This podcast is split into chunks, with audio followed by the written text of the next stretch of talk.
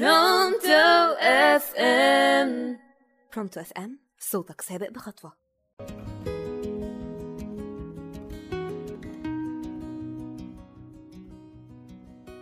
في يوم من شهر أكتوبر السنة اللي فاتت حصل لصاحبتي موقف غريب عمرها ما هتنساه حماتها قررت تعملها مفاجأة بمناسبة عيد ميلادها. أنتوا عارفين بقى بتحاول تبين محبتها وهي أساسا عايزة تعرفها على العيلة. فعزمت كل اللي ليه علاقة بيهم واللي ملوش. وقالت لصاحبتي عزماكي عندي على الغدا يوم الخميس اوعي تتأخري. صاحبتي راحت طبعا وهي مقررة إنه معلش يعني ما حماتها برضه. ولما وصلت اتفاجئت بكم مهول من الناس الموجودة. بوس وأحضان وكلام وهي عيني وشها بوكر فيس وحماتها ما كانتش طايقاها. واليوم عدى بس حصل بعده خناقة وفركشة. لأنها بانت لحماتها إن هي ما قدرتش تعبها. طب هل صاحبتي قليلة الذوق مثلا؟ ولا للدرجة دي ما بتحبهاش فبان عليها. هي الحقيقة لا كده ولا كده. كل ما في الأمر إنها انطوائية. أنا نيرة علي وده موضوعنا النهاردة من وقفة. أغلبنا بيفكر إن الشخصية الانطوائية والاجتماعية عكس بعض. يعني الشخص إما يكون انطوائي أو اجتماعي. بس الحقيقة إن معظمنا في النص ما بينهم.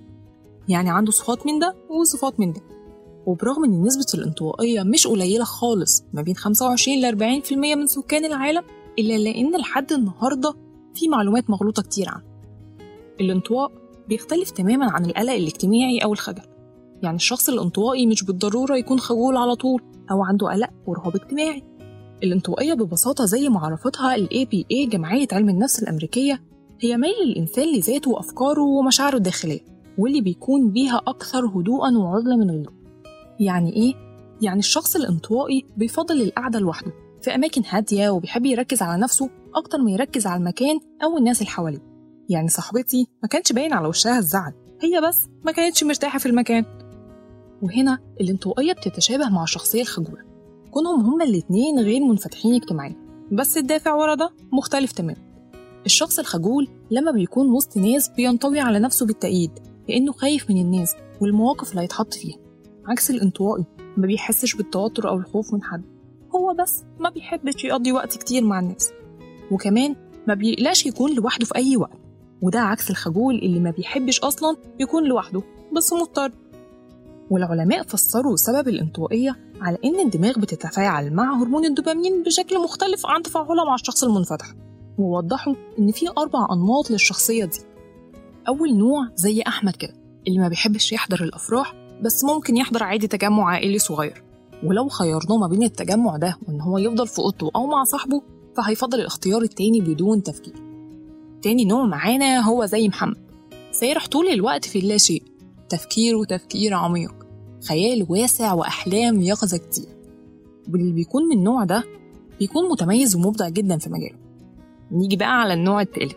النوع التالت ده بيكون عايز يقعد لوحده. بس مش بسبب إن هو بيحب ده. هو بسبب خجله. وإحراجه دايما من مقابلة أشخاص جديدة. آخر نوع معانا هو زي عصام كده. بطيء جدا في شغله وده لأنه بيفكر كتير قبل الكلام والتصرفات والقرارات. بس كون الشخص منطوي مش معناه أبدا إنه كئيب لا خالص. بيكونوا أشخاص مرحة في أوقات كتير وعنده صفات إيجابية اللي بتميزه زي إنه بيحترم المسافة الشخصية لغيره وبيحطه في عين الاعتبار كل كلمة بتخرج منه وأثرها على الشخص اللي بيقولها له. وزي ما قال أينشتاين واللي بالمناسبة كان انطوائي إن رتابة الحياة الهادئة والعزلة تحافظ الدماغ على التفكير الإبداعي. يعني عمرك ما هتلاقيه ماشي مع القطيع دايما عنده اللي يميزه عن غيره. ولو تعرف حد بالشخصية دي فهو بالذات هيكون صاحب صاحبه. لأن علاقتك معاه هتكون مش سطحية خالص وهتعيش لسنين طويلة. هتقدر تتكلم معاه بكل سهولة وأريحية عن مشاكلك ومشاعرك. وده لأنه بيسمع وبينصت كويس جدا وبيحلل لك كل مشاكلك بشكل عميق. طب لو في حياتك أو بتربطك علاقة مع الشخصية دي أو بتقابلها لأول مرة تتصرف معاها إزاي؟ أول حاجة لازم تعملها إنك ما تفكرش إنه مش بيحبك أو ما بيحبش يقضي وقت معاك. هو بس بيحس بالراحة مع وجود أشخاص معينين مألوفين بالنسبة له. ما تتكلمش معاه أبدا عن حياته الشخصية. حاول تسمع ليه كويس لو اتكلم واستحمل إنه بيتكلم ببطء. ده بيحصل لأنه بيفكر كتير في مفردات كلامه. وتقبل عادي رغبته إن أوقات أصلا ما بيحبش يتكلم. ومهم إنك ما تجبرهوش على نزولة ولو زميل في الشغل ما تجبرهوش إنه يشتغل معاك هو بيحتاج يكون لوحده. والأهم بقى إنك ما تفكرش كتير إن هو يتغير لأنه أصلا عدم المشاركة الاجتماعية مش عيب في حد ذاته بل أوقات كتير بيكون مفيد للشخصية وبيئته لأنه بيساعده على التركيز وإنه ينمي مهاراته. وبس يا سيدي الشخصية الانطوائية ما هي إلا شخصية عادية جدا. طبيعية حالها حال الشخصيات التانية ليها مميزاتها وعيوبها. بس الشخصية دي يمكن عيوبها بتكون لنفسها أكتر من غيرها. يعني دايما بيتنسى في أي مناسبة ومحدش بياخد باله أصلا إنه موجود في القعدة. الناس بتشوفه على إنه مغرور وأناني أوقات وبعد بقى ما فهمت الاختلاف بينه وبينك أقدر أقولك إن تعاملك معاه دلوقتي هيكون أسهل بكتير وهتقدر تكتشف كل الجوانب الإيجابية اللي عنده. ومين عالم ممكن تكون محظوظ وتكون أهم واحد في دايرته الصغيرة. كان معاكم نيرة علي في برنامج وقفة على راديو Pronto FM.